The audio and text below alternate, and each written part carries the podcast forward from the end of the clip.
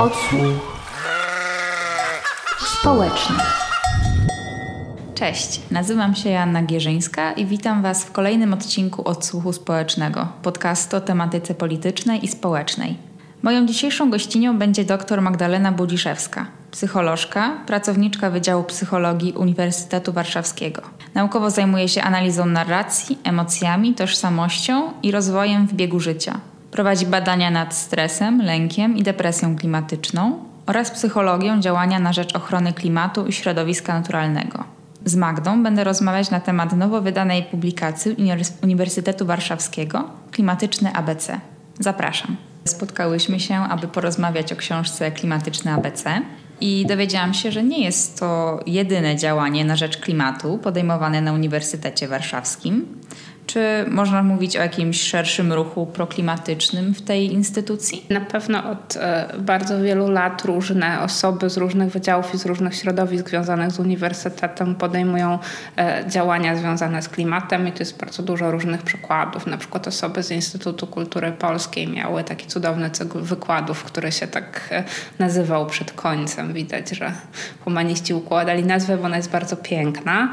Osoby na kilku innych wydziałach, nie wiem, prowadziły zajęcia, no jak to uniwersytet prowadziły badania. I też taką bardzo dużą rolę odegrała strona nauki o klimacie, która dużo zrobiła dla popularyzacji, no powiedzmy, wiedzy o klimacie w Polsce, takiej e, naukowej i wokół tej strony jest też kilka osób związanych z Uniwersytetem Warszawskim, ale nie tylko. A chyba to, co się dzieje od e, e, paru ostatnich lat, to to, że myśmy się zaczęli tak między sobą dogadywać, znaczy te różne środowiska, których jest dużo, bo w ogóle uniwersytet jest wielki, zaczęliśmy trochę bardziej się ze sobą komunikować. Ja, ja zaczęłam na przykład odkrywać, że y, oprócz mojego macierzystego Wydziału Psychologii i moich znajomych jest też zupełnie dużo innych miejsc i ludzi, którzy się przejmują tym samym tematem.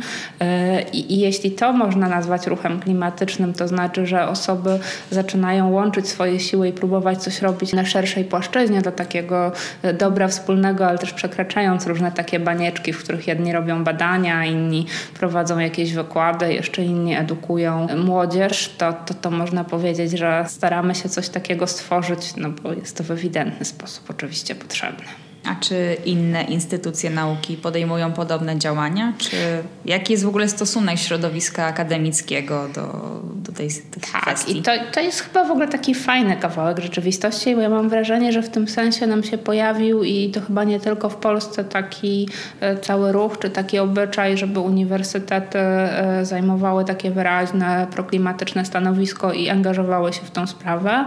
I mamy bardzo dużo w Europie uniwersytetów, które zarówno same uniwersytety, uniwersytety tak bardziej odgórnie na poziomie tego, co mogą zrobić, nie wiem, z badaniami naukowymi, z budynkami, z kampusami, ze swoją codziennością, szły powiedzmy w taką zieloną stronę mocy, ale też się angażowały, jak i tak trochę oddolnie, że mamy ruchy studenckie, e, które jakby zabierają głos w sprawie klimatu i z reguły są trochę bardziej radykalne od e, własnych instytucji, ale jedno i, i, i drugie się jakoś splata i wydaje się, że tak się zaczęło robić też w Polsce i jak ja zaczęłam bardziej angażować się w ten temat, to Y, jakby, no nie powiem, że odkryłam, bo niektóre z tych rzeczy wiedziałam. Na przykład jest UJ dla klimatu, Uniwersytet Jagielloński dla klimatu, ale że podobne e, zespoły można, nie wiem, zobaczyć też w Poznaniu czy w Toruniu, że Uniwersytet Łódzki się angażuje, że tego jest jakby więcej, nie tylko, bo powiedzmy, że Uniwersytet Warszawski, Uniwersytet Jagielloński to są takie bardzo duże instytucje. To byłoby wręcz zadziwiające, gdyby nikt z nas się e, e, tutaj klimatem nie zajmował, ale że to się jakoś powiela i że bardzo ciekawe rzeczy są też e, w innych miastach Polski i wręcz czasem w takich też e, prywatnych szkołach czy takich drobnych instytucjach edukacyjnych, więc tego jest coraz więcej i w tym sensie uniwersytety dla klimatu to myślę jest jakiś trend, jeśli można tak mówić. Uniwersytet Warszawski prowadził kursy o zmianie klimatu, właśnie też pod tą samą nazwą Klimatyczne ABC. Czy ta publikacja powstała właśnie z myślą o uczestnikach tego kursu? Tak, dokładnie tak. Znaczy nasz pierwszy pomysł był taki, że ponieważ jesteśmy uniwersytetem, więc e, w ogóle jeszcze zanim pójdziemy w jakieś nie wiadomo jakie działania, powinniśmy robić to, za co podatnicy nam płacą, czyli e, porządnie edukować studentów, porządnie prowadzić badania naukowe i porządnie popularyzować naukę. I w związku z tym zaczęliśmy od takiej próby stworzenia interdyscyplinarnego kursu, którym wszyscy studenci i studentki Uniwersytetu Warszawskiego mogłyby e, zdobywać podstawy wiedzy o zmianie klimatu. E, wyszliśmy z takiego założenia, że świat się zmienia i że współczesnym absolwentom ta wiedza do rozumienia tego, co się dzieje w e, ich otaczającym świecie będzie no, w dość podstawowy sposób potrzebna. Nie wiem, kiedyś sądziliśmy, że łacina to jest takie coś, co człowiek wykształcony, w sensie kiedyś w średniowieczu powinien znać. Potem się okazało, że może jednak nie łacina. Jak ja wchodziłam w dorosłość, to się mówiło, że obsługa komputera to jest te rzeczy. Po prostu to tak, ja tutaj jestem już trochę stara, więc e, jak ja chodziłam do szkoły, to informatyka była nowością i były zajęcia dla dzieci, jak włączyć komputer. Teraz chyba dzieci mogłyby nas uczyć. E, no niemniej włączaliśmy te komputery i to miała być taka przyszłość. E, to pokolenie, na które ja już się nie załapałam, dostało taki dziwny miks, że na przykład przedsiębiorczość to jest coś, co im w życiu będzie potrzebna, a my wychodzimy z założenia, że to wszystko się być może już zdezaktualizowało, natomiast zmiana klimatu będzie zdecydowanie takim e, wyzwaniem cywilizacyjnym, które będzie stało przed współczesnymi uczniami i absolwentami i ono powinno po prostu wejść do kanonu wyższej edukacji. Właściwie niższej też, tylko że no, dobrze jest zaczynać od własnego podwórka i o ile byśmy bardzo chcieli, żeby ta wiedza była też w szkołach, przedszkolach, instytucjach kształcących dorosłych, wszędzie, o tyle oczywiście na miejsce, gdzie sami pracujemy, możemy mieć wpływ. No i kiedyś jak mówiło, że jeśli się uważa, że coś powinno zostać zrobione, to się kończy robiąc to samemu. No i tutaj się tak trochę skończyło, że zrobiliśmy to sami. No, a, no i dalej ta historia jest taka, jak ją trochę opowiedziałaś. To znaczy najpierw napisaliśmy materiały do kursu, potem się nam okazało, że zamiast 50 stron wyszło nam 300, no to potem żeśmy zredagowali i, i, i wydali podręcznik. Już przechodząc do samej kwestii zmian klimatycznych, chciałabym Cię zapytać, skąd biorą się mity klimatyczne i dlaczego tak wielu ludzi w nie wierzy? To też jest jeden z powodów, dla których właśnie chcieliśmy trochę tak e, uczyć na ten temat. Chociaż wydaje się, że ten problem się w międzyczasie zdezaktualizował. Tak jak mówiłam, świat się szybko zmienia. Ale jeszcze jakiś czas temu problemem było to, że w przestrzeni publicznej pojawiało się super dużo takich e, fałszywych informacji, takich totalnie czasami od czapy, ale brzmiących prawdopodobnie o zmianę klimatu posądzano, nie wiem, słońce albo wulkany i ludzie sobie myśleli, no nie wiem, nie znam się na wulkanach, może to wulkany. No więc nie, to nie wulkany, to są nasze emisje gazów cieplarnianych, więc sądziliśmy, że debunkowanie takich mitów, że y, jakby mówienie ludziom, gdzie jest dezinformacja, gdzie są fakty naukowe jest y, bardzo potrzebne. Wydaje się, że to się trochę zmieniło, to znaczy, że w ciągu ostatnich może dwóch lat się pojawia tego trochę mniej, znaczy takiego wprost zaprzeczania nauce na bazie faktów, że tacy klasyczni denialiści klimatyczni trochę już wyszli z mody, znaczy to oni się już pojawiają pojawiają w roli takiego trochę dziwnego wujka na przyjęciu, który e, nie wiadomo skąd czerpie wiedzę, ale raczej jest jakiś coś e, egzotyczny za e, internetu. By the way, jest taka gra, która się nazywa Cranky Uncle, w sensie gra w dziwnego wujka, spolszczona, można ją ściągnąć na komórkę i to jest gra, w której można się nauczyć odpowiadać na wszystkie mity klimatyczne, pokazując błędy logiczne w rozumowaniach. Taka powiedzmy gra edukacyjna jest śmieszna. Niemniej wydaje się, że to już dawno nie jest mainstreamem i że inne strategie zaprzeczania, y, bo one ciągle są produkowane, wyszły do obiegu. Natomiast y, już nie te klasyczne, natomiast no, pewnie dobrze y, dalej jest mieć podstawową wiedzę i, i nie załapać się na jakieś podstawowe błędy w tej sprawie. Tutaj mówimy bardziej takiej perspektywie globalnej, a takiej perspektywie Polski. Jak to wygląda w Polsce? Jakie są postawy Polek i Polaków do zmian klimatu? To jest ciekawe. Na przykład większość Polek i Polaków jest za odejściem od węgla. Nikt by nie uwierzył, bo jak patrzymy na opowieści w mediach, e, to tam są bardzo nadreprezentowane głosy e, takich grup nacisku, które uważają, że węglem trzeba palić do końca świata i w ogóle. Natomiast jakby się spytać takich normalnych, przeciętnych Polek i Polaków, o obywateli, obywatelek miasteczek i wsi, to się okazuje, że ludzie uważają, że transformacja energetyczna jest konieczna, zauważają problem problem smogu i zanieczyszczenia powietrza i zauważają też to, że polska energetyka taka oparta na węglu jest po prostu ścieżką donikąd w sensie i raczej im szybciej zaczniemy ją transformować, tym bardziej możemy to zrobić w jakiś cywilizowany sposób. Przez cywilizowany rozumiem też sprawiedliwy społecznie i przemyślany, a takie odwlekanie śmierci tego molocha, która skądinąd jest przesądzana na ostatnią chwilę i utrzymywanie go przy życiu z tymi, nie wiem, hałdami brudnego węgla zalegającymi w Polsce na magazynach, no to e, jakby jest tylko szkodzenie w sumie własnemu krajowi, więc wydaje się, że ten problem dość demokratycznie łączy ludzi, natomiast tego zupełnie nie widać w mediach i w dyskursie politycznym, bo tam dość głośne są takie grupy, które mają raczej swój interes w tym, żeby było jak jest. Jeden z przedmiotów Twoich badań jest depresja klimatyczna czym ona jest i jaka jest skala tego zjawiska? Depresja klimatyczna jest czymś, czego nie ma, w sensie czymś, czego nie ma jako e, diagnozy czy choroby, ponieważ my sądzimy, że taka e, po pierwsze sytuacja, że ludzie się obawiają zmian klimatu jest obawą, która jest w gruncie rzeczy całkowicie realistyczna, w sensie te zmiany się dzieją, ich konsekwencje są czymś, czego jak lęk jest tutaj dość na miejscu i również to, że ludzie przeżywają ten poziom utraty na przykład świata przyrodniczego, to, że tracimy w zastraszającym tempie całą dziką przyrodę, e, dziesiątki gatunków i właściwie własne miejsce do życia, własny habitat, e, że to jest coś, nad czym można na przykład płakać, że to jest coś, czego można żałować, że coś, co można przeżywać, to, to jest, umówmy się, że jest normalne. W sensie właściwie w widzeniu tego, na przykład jak bardzo my niszczymy cały świat dookoła i nie czuciu niczego, jest coś z psychopatii, takiej narcystycznej psychopatii. Ja tu jestem lepszy i będę oglądał sobie destrukcję świata, ale nie będę nic czuł, albo w międzyczasie tylko liczył pieniądze. Więc można by wręcz postawić e, taką hipotezę, że to nie, nie reagowanie, w sensie właśnie podcinamy gałąź, na której e, siedzimy, ale nic z tym nie robimy, że to ono jest takie, należałoby z podejrzliwością patrzeć na ludzi, którzy umieją patrzeć na tyle cierpienia i, i nie reagować na to, co my sobie robimy.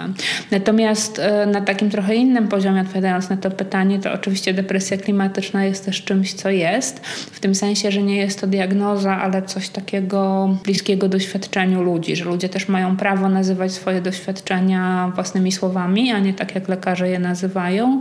E, I w związku z tym wielu ludzi mówi o tej tak zwanej depresji klimatycznej takim językiem samoopisu. E, I to nie oznacza, że oni mają kliniczną depresję czy że są chorzy, ale chyba coś takiego, że ich poziom przeżywania stresu związanego z tym wszystkim, czasem takiej utraty nadziei, czy my sobie poradzimy, no, że to jest obciążające, że to jest załamujące, że, że, że czasem nie mają siły, że nie mają też siły z biernością jakby polityków i z tym, że nic tutaj nie robimy, no bo to jest ten, ten moment załamki, w sensie zmiana klimatu jest czymś, e, czego najgorszym konsekwencjom wydało się jeszcze zapobiec, tylko my w sposób taki mocno autodestrukcyjny chwilowo jako cały świat to nie bardzo robimy z powodów, które są, nie wiem, polityczne, ekonomiczne, wynikają z obrony jakiegoś takiego status quo, żeby nic nie zmieniać w systemie.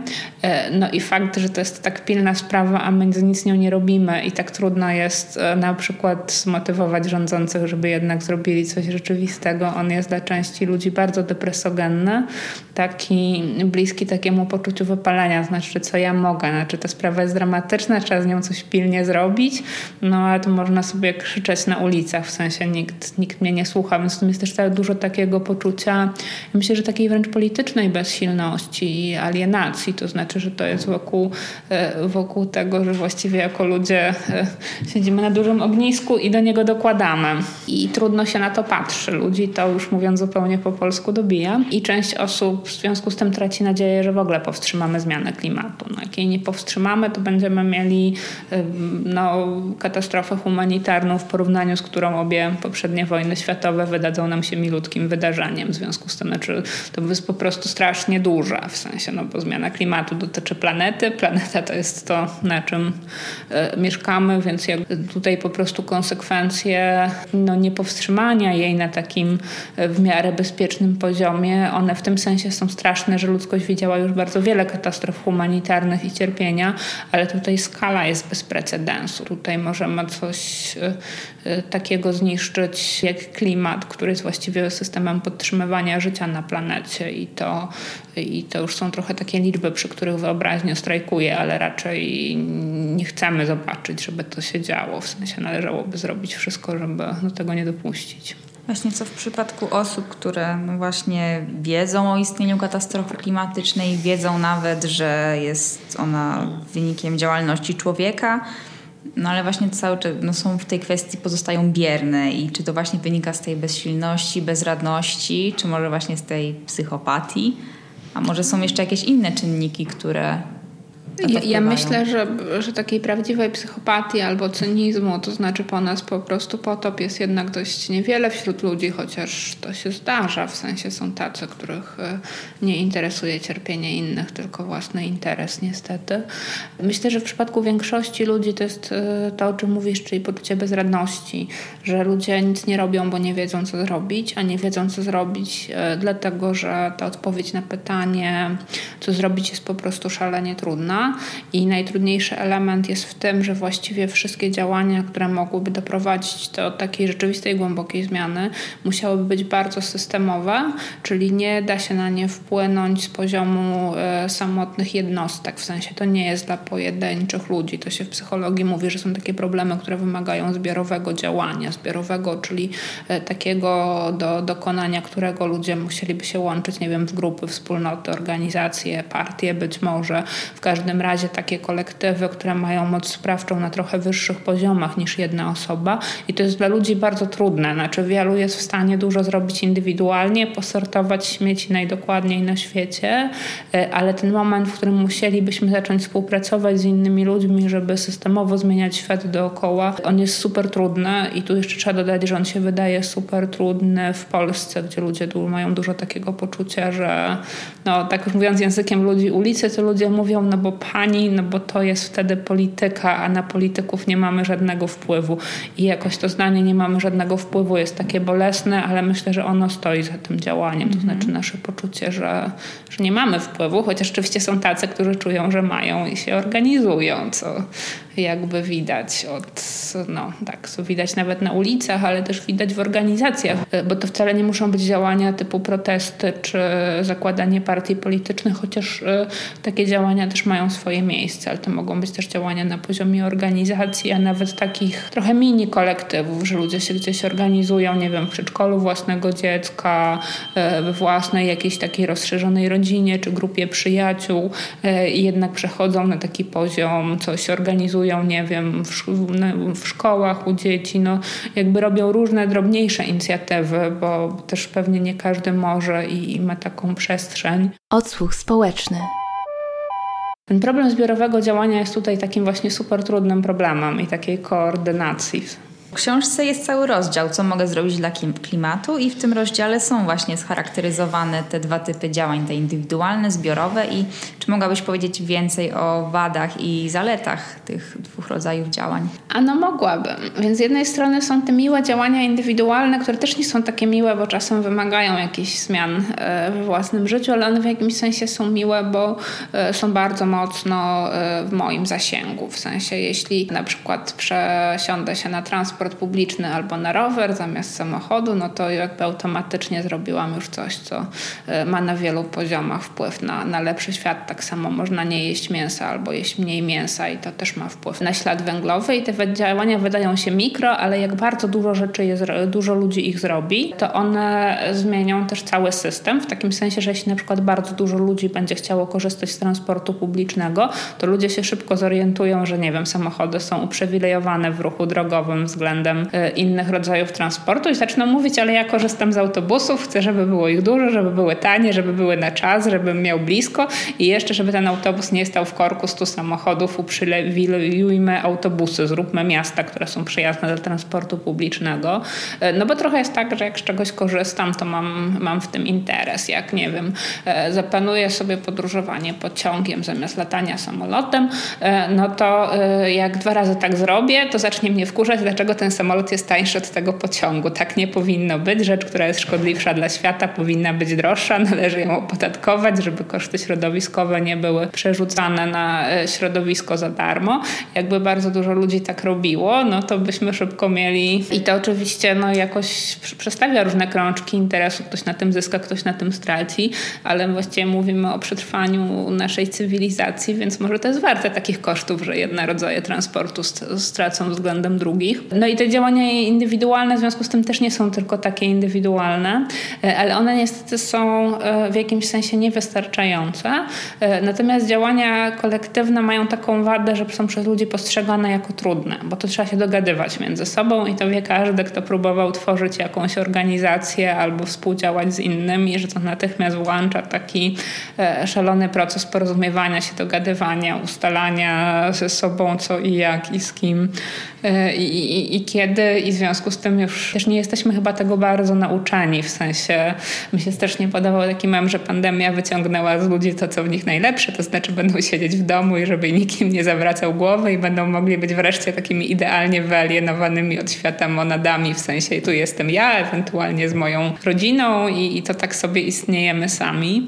No ale zmiany klimatu nie da się w takim duchu trochę indywidualistycznym, w sensie takich pojedynczych jednostek e, e, rozwiązać. Musielibyśmy przechodzić na taki poziom wspólnot, więc to, to jest trudne, a z drugiej strony wspólnoty potrafią dużo więcej zdziałać. W sensie nawet tej książki czy kursu dla studentów chciałem tego nie napisała sama, a jak się zabieramy za to w 20 osób, nie wiem, wokół tej książki, wokół kursu, mieliśmy chyba 18 współautorów i jeszcze paru współpracowników, myślę, że z 25 osób to robiło razem, no to jak to robimy taką grupą, to zawsze możemy się uzupełniać i umiemy różne rzeczy, ktoś załatwi to, ktoś załatwi tamto i oczywiście wymaga to strasznie dużo czasu na porozumiewanie się, trzeba ze sobą rozmawiać i w ogóle, no ale jakby jednak te możliwości są e, nieporównywanie większe, poza tym jak inni widzą coś takiego, to też się chętnie dołączą, bo widzą, że jest coś fajnego, że robi się coś sensownego, więc to się jakby samo e, e, w sobie jakoś powiela i pomnaża, więc ta możliwość wpływu jest taką zaletą kolektywnego działania. Ale my w tym podręczniku bardzo zwracamy uwagę na coś, co jest często pomijane, że tam jest taka sfera pośrednia pomiędzy indywidualnym a zbiorowym i ona dotyczy komunikacji i ona dotyczy edukacji i to, to gdzieś się ukazało w jakimś tym takie zdanie, co jest jedną największą rzeczą, którą możesz zrobić dla klimatu i e, tam autorzy odpowiadają, tą rzeczą jest porozmawianie przy obiedzie ze swoją babcią. I ta odpowiedź porozmawiaj z babcią, znaczy porozmawiaj z babcią o tym, że Polska musi odejść od węgla i aczkolwiek e, jak wam już wynika z innych badań, polskie babcie są za odejściem e, od węgla i w sumie mamy też ruch babcie dla klimatu, więc może babcie powinny porozmawiać z wnukami, żeby to nie stygmatyzować w tą stronę, że to młodsi mają starszych uświadamiać, czasem może odwrotnie. Chociaż w sprawie klimatu rzeczywiście częściej to idzie w tą stronę, że młodsi opowiadają starszych, no ale tak, ja słyszałam dużo takich historii typu, że jacyś rodzice mówili jakby rok czy dwa lata później, że są wdzięczni, bo ich nastoletnie dzieci mówiąc brzydko truły głowę, już nie powiem co, przy obiedzie, że klimat, klimat i oni nie wiedzieli, co te dzieci się tak czepiają, a potem jak zrozumieli, to odkryli, że ich własne dzieci jakby im otworzyły oczy na jakiś kawałek. E, I właśnie to działanie trochę takie mm, nie w mediach społecznościowych, tylko w takich własnych, żywych relacjach, że w naszym kręgu społecznym możemy pomóc ludziom zrozumieć, że to jest ważny problem e, i e, sprawić, żeby ci ludzie byli skłonni zaakceptować w sumie takie polityki, które mogłyby ten problem zaadresować, bo to będzie wymagało super dużo przemian i te przemiany, jakich ludzie nie zrozumieją, to ich nie będą też chcieli i obalić, więc takie minimum, które od ludzi chcemy, to żeby zaakceptowali e, dość radykalne, ale konieczne polityki związane z klimatem. To bardzo wielu sfer życia dotyczy wcale nie tylko energetyki, rolnictwa na przykład w dużym stopniu. E, to jest coś, o czym musimy rozmawiać i do czego musimy się przekonać. E, no i tu jest bardzo dużo sprawczości, bo o ile nie każdy może, może założyć organizację ekologiczną, o tyle prawie każdy może porozmawiać z kumplami albo z babcią no i taką sferą, która dla mnie osobiście jest ważna, jest, jest sfera edukacji, za którą ja myślę, że zarówno uniwersytety, jak i szkoły są po prostu odpowiedzialne, że my powinniśmy też dbać o to, żeby edukacja, którą ludzie dostają w szkole, miała się jakoś do współczesnego świata, a to z pewnością oznacza dość dużo edukacji o zmianach klimatu. W książce padają dwa trudne słowa: to adaptacja i mitygacja. I co oznaczają te terminy w kontekście zmiany klimatu? To ja zacznę od trudniejszego orzechu do zgryzienia. Trudniejszym orzechem do zgryzienia jest mitygacja oczywiście. Mitygacja zmiany klimatu, czyli jakby próba przyczynowego powstrzymania tej zmiany klimatu. To przypomnijmy, że przyczyną e, zmiany klimatu są antropogeniczne, czyli ludzkie e, emisje gazów cieplarnianych, dwutlenku węgla, e, metanu i kilku innych jeszcze, ale właściwie te, te te dwa są e, zasadniczo największymi czynnikami, które to napędzają i musimy to e, zredukować. Mitygacja jest dlatego trudna, że ona wymaga super dużych systemowych transformacji przynajmniej trzech ważnych sektorów ludzkiej działalności, a tak naprawdę około 20, ale to zacznijmy od trzech. W sensie 20, nie więcej niż 20, ale tak powiedziałam. I to może wymienię, że będzie łatwiej. W sensie najważniejsze, co się przyczynia do emisji gazów cieplarnianych, to jest jednak energetyka, produkcja produkcja ciepła i produkcja prądu i tą energetykę trzeba właściwie całkowicie przekształcić na taką, która byłaby niskoemisyjna i niskoemisyjne źródła e, energii to słońce, woda, wiatr i energia jądrowa, e, a wysokoemisyjne spalania paliw kopalnych to jest węgiel, ropa, gaz. E, te, te źródła muszą odejść, w sensie nie tylko węgiel, ale także ropa naftowa i gaz ziemny. Trzeba je po prostu zastąpić jedne drugimi. Nie ma na to jednego dobrego modelu, w sensie być może w każdym kraju będzie to musiało trochę inaczej wyglądać. W sumie też nie jest najważniejsze na świecie, które z tych modeli wybierzemy, pod warunkiem, że to zrobimy rzeczywiście i dość szybko. Natomiast energetyka musi się właściwie cała zmienić. E, drugi z tych sektorów to rolnictwo. E, rolnictwo ma gigantyczne emisje, e,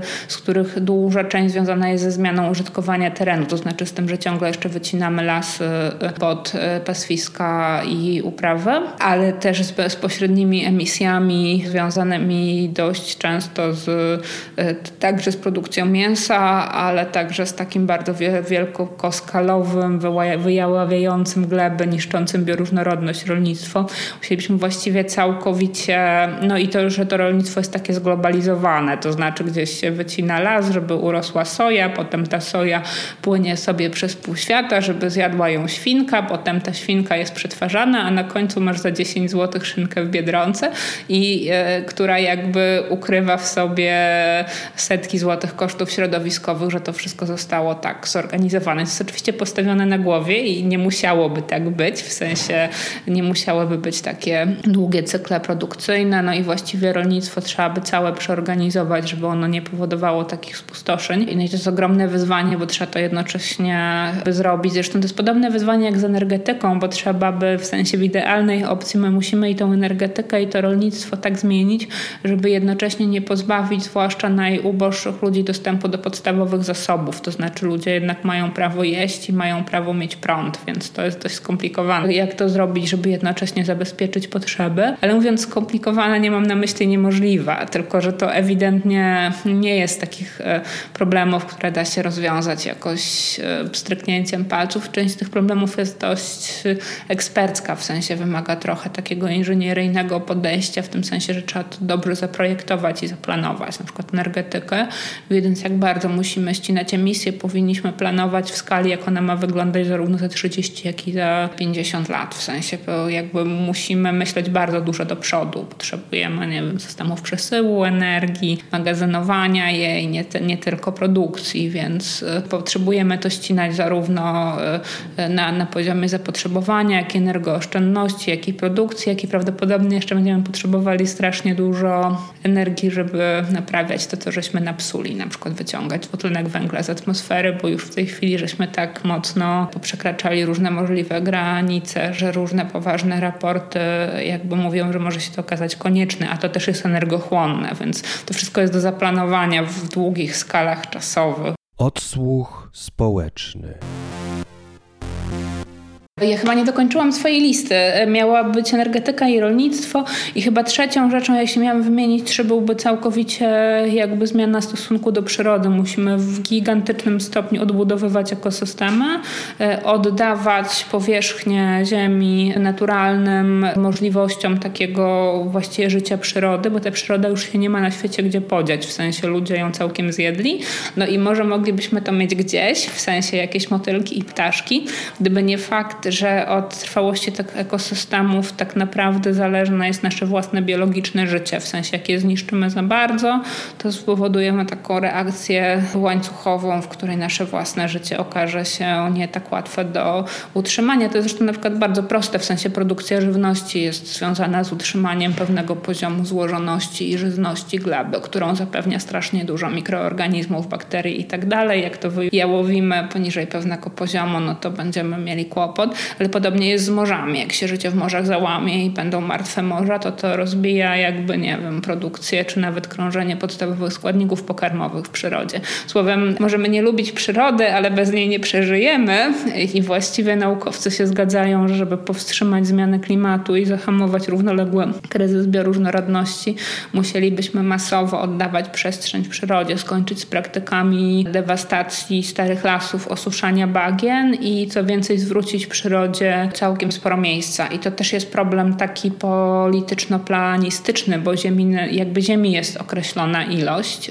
Różne rzeczy ze sobą konkurują o zasoby. Na przykład to wspomniana produkcja mięsa potrzebuje ogromnych terenów. Produkcja rolnicza, żeby wyżywić ludzi produkcją roślinną, potrzebowalibyśmy mniej ziemi. To można by się było śmiać e, z takich problemów, gdyby nas było na ziemi miliard, a jak nas jest tyle, ile nas jest, to to się robi problem, nad którym trzeba pomyśleć, bo jak się nie myśli, to po prostu zjemy wszystkie dostępne zasoby i, i, i będzie kłopot. Niemniej w Polsce na przykład ten wątek jest takim czymś, od czego moglibyśmy zacząć i takim jakby super ważnym wątkiem. Myślę, że większość Polek i Polaków by się zgodziło z taką potrzebą jednak zachowania takiego bogactwa przyrodniczego Polski. Znaczy można sobie wyobrazić, że jest to jedno z dość niewielu bogactw naturalnych, które my tutaj mamy i które jakby może się okazać za parę lat skarbem, o którym będziemy się bili, w sensie o dostęp do przyrody, więc mogłoby się nam wręcz e, opłacać jakby nie dewastować w Polsce tych e, zasobów przyrodniczych, co się dzieje na jakąś potworną skalę, w sensie gdzie się człowiek nie obejrzy tam. No nie wiem, czy ktoś z Państwa widział e, mapy satelitarne lasów Polski, to nie robić tego przed snem, bo się nie da zasnąć. Jak się popatrzy z satelity Google'a, to polskie lasy wyglądają jak szachownica. Znaczy Polska jest dość zalesiona, to tak się wydaje, że lasów jest dużo. Jak się popatrzy tak, jak to widzą z lotu ptaka, to te lasy są wszystkie pocięte takimi pasami po prostu, że to jest wszystko w taką szachownicę. To jest dla lasu straszne w tym sensie, że jak on jest taki pofragmentowany, to po pierwsze szkodniki zanieczyszczenia i wiatr tam wchodzą, po drugie zmiana klimatu dowala tym lasom, one schną i stają się bardziej poddatne zarówno na szkodniki, jak i na pożary, więc za chwilę moglibyśmy się obudzić w kraju, w którym jakby już nie ma co być tak dumnym z tych lasów, bo one nam, nam zanikają. I to jest coś, o co moglibyśmy zadbać już teraz, to znaczy zacząć myśleć, co wokół tego robimy. No i jest jedna dobra rzecz związana z przyrodą, a mianowicie bardzo dużo rozwiązań e, opartych na przyrodzie jest w jakimś sensie tanich, ponieważ przyroda często najbardziej lubi, żeby ją zostawić świętym spokoju, żeby zamiast ją porządkować, wycinać, porządkować, nie wiem, firma Wody Polskie robi jakieś dramaty, dewastując rzeki, po prostu prostuje kanałki, wycina wszystko, prace utrzymaniowe na ciekach wodnych, wydajemy na to miliony. Tymczasem w wielu miejscach tej przyrodzie najbardziej by pomogło e, zostawić ją w świętym spokoju, znaczy pozwolić, nie wiem, tej wodzie tam ciec, tym drzewom tam zarastać, tym bobrom tam pracować, to retencjonuje wodę. Wcale nie potrzebujemy takiego systemu, jakiego potrzebowaliśmy kiedyś, ponieważ klimat nam się zmienił. Tutaj ja tu widzę przestrzeń na duże oszczędności w takich rzeczach, czy nawet, nie wiem, wydajemy na koszenie trawy, czy grabienie liści w parku jakieś gigantyczne pieniądze, a moglibyśmy mniej grabić i mniej kosić, więc tutaj są też takie rozwiązania, które by się nam mm, opłaciło. I tam jest więcej tego, w sensie takie rzeczy jak produkcja cementu, takie rzeczy jak transport, takie rzeczy, nie wiem, jak produkcja ubrań, bardzo dużo różnych szczegółowych rzeczy w to wchodzi, których potrzebujemy jakby znowuż e, tych rozwiązań. I nie wiem, czy dotarłam do adaptacji, więc Właśnie mitygacja to jest podtrzymywanie jakby e, te rzeczy, które mogą przyczynowo wpłynąć na zmiany klimatu i my musimy to zrobić już i ściąć te emisje zgodnie z raportem IPCC najpierw o połowę, a potem do zera w bardzo y, szybkim tempie, co się wydaje jakimś science fiction, patrząc na to, że jak do tej pory tego nie robimy. E, niemniej to jest konieczne, żeby jakby zapewnić systemowi klimatycznemu Ziemi równowagę i przetrwanie w dłuższej perspektywie czasowej. Znaczy ten klimat i tak już się zmieni, myśmy to za bardzo wybili z równowagi, ale ta zabawa, ja mówię, nazywam zabawą, bo jakoś sobie trzeba radzić z tym, że temat jest trochę straszny, ale jakby ta rozgrywka nie toczy się o to, żeby to całkiem powstrzymać, bo się nie da, tylko żeby to powstrzymać, zanim to przekroczy tak dużo punktów krytycznych, że stanie się w ogóle niemożliwe do powstrzymania, co mogłoby, y, no właśnie, co by skutkowało sytuacją, w której miejsce do życia traci na przykład jedna siódma współczesnych mieszkańców Ziemi. I to jest katastrofa humanitarna, z którą sobie raczej nie poradzimy jako cywilizacja, bo my sobie nie radzimy z dużo mniejszymi ilościami, nie wiem, uchodźców, głodu i, i wojny. W sensie wyobrażenie sobie katastrof, które dotykają tak dużej ilości ludzi, to jest właściwie wyobrażenie tego, że cywilizacja mogłaby się załamać, więc stawka jest wysoka, ale no jakby nadal do wygrania, tylko tak jak musimy to zrobić, a nie tylko mówić, że to zrobimy. Natomiast adaptacja jest o tym, że ponieważ te zmiany klimatu do pewnego stopnia i tak się na pewno wydarzą, w sensie klimat Warszawy się na przykład już zmienił i przypomina taki klimat, jaki kilkaset lat wcześniej był gdzieś w okolicach Budapesztu, w sensie już mamy takie zmiany i one będą e, dalej postępować. Powinniśmy również e, się adaptować, to znaczy tak przekształcać swoją infrastrukturę, społeczeństwo, znowuż wszystkie systemy typu produkcja żywności, utrzymanie wody i tak dalej, żeby one były dostosowane do, do takiego klimatu i to obejmuje od takich rzeczy jak zabezpieczenia na wypadki katastrof, tam nie wiem, wiatru, burz piaskowych i innych rzeczy, po takie rzeczy, które miałyby super dużo sensu i tak, na przykład, żebyśmy coś sobie zrobili z retencją wody w Polsce, zanim nam zacznie brakować. To by się Ta wszystkim przydało. zielona infrastruktura. Tak, tylko to często ładnie wygląda w opracowaniach i w ogóle jakby, jakby te wszystkie ładne słowa, które są w opracowaniach na ten temat się sprawdzały, to byśmy żyli w raju, a tak nie jest, więc tu jest jakiś duży apel do polityków, że deklaracje to już były, a teraz jest e, rzeczywiście pora na działanie. Ale to nie jest takie proste, bo politycy też są uwikłani w taki świat, że póki społeczeństwo tego bardzo dobrze nie rozumie i bardzo na pewno się tego nie domaga, to bardzo trudno jest to zrobić, bo wiele z tych rzeczy wymaga trochę takiej zmiany status quo, znaczy musielibyśmy robić rzeczy inaczej niż robiliśmy je do tej pory, a ludzie strasznie nie lubią zmian status quo, znaczy najlepiej jest, żeby była stara bieda, to znaczy, żeby było jak było, bo przynajmniej wiemy jak to jest, no i skoro od dziada pradziada paliliśmy węglem, to mamy palić węglem do końca świata, a skoro od dziada do pradziada na obiad był kotlet, no to ma być na obiad kotlet, więc to myślenie o zmianie, ono budzi taki opór, bo my psychologicznie nie, e, nie lubimy zmiany, ale z drugiej strony gatunki, które się nie zmieniają, nie przeżywają i to chyba warto przemyśleć.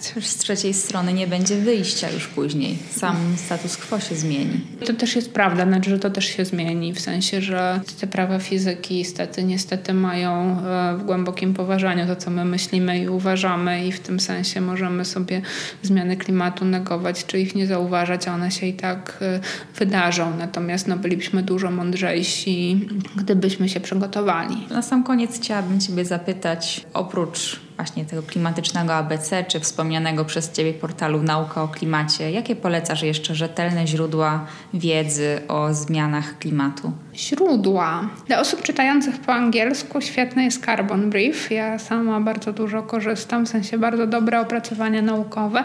Dla tych, którzy lubią ładne obrazki i wizualizacja, duże amerykańskie agencje, zarówno NASA, jak i NOAA, publikują, mają całe strony materiałów edukacyjnych i oni robią bardzo piękne wizualizacje, mapy i może takie wszelkie możliwości przeglądania interaktywnych danych. Ja bardzo e, w wątku polskim bardzo polecam e, osoby zajmujące się mokradłami. W każdym razie trochę tego jest. Bardzo Ci dziękuję za rozmowę.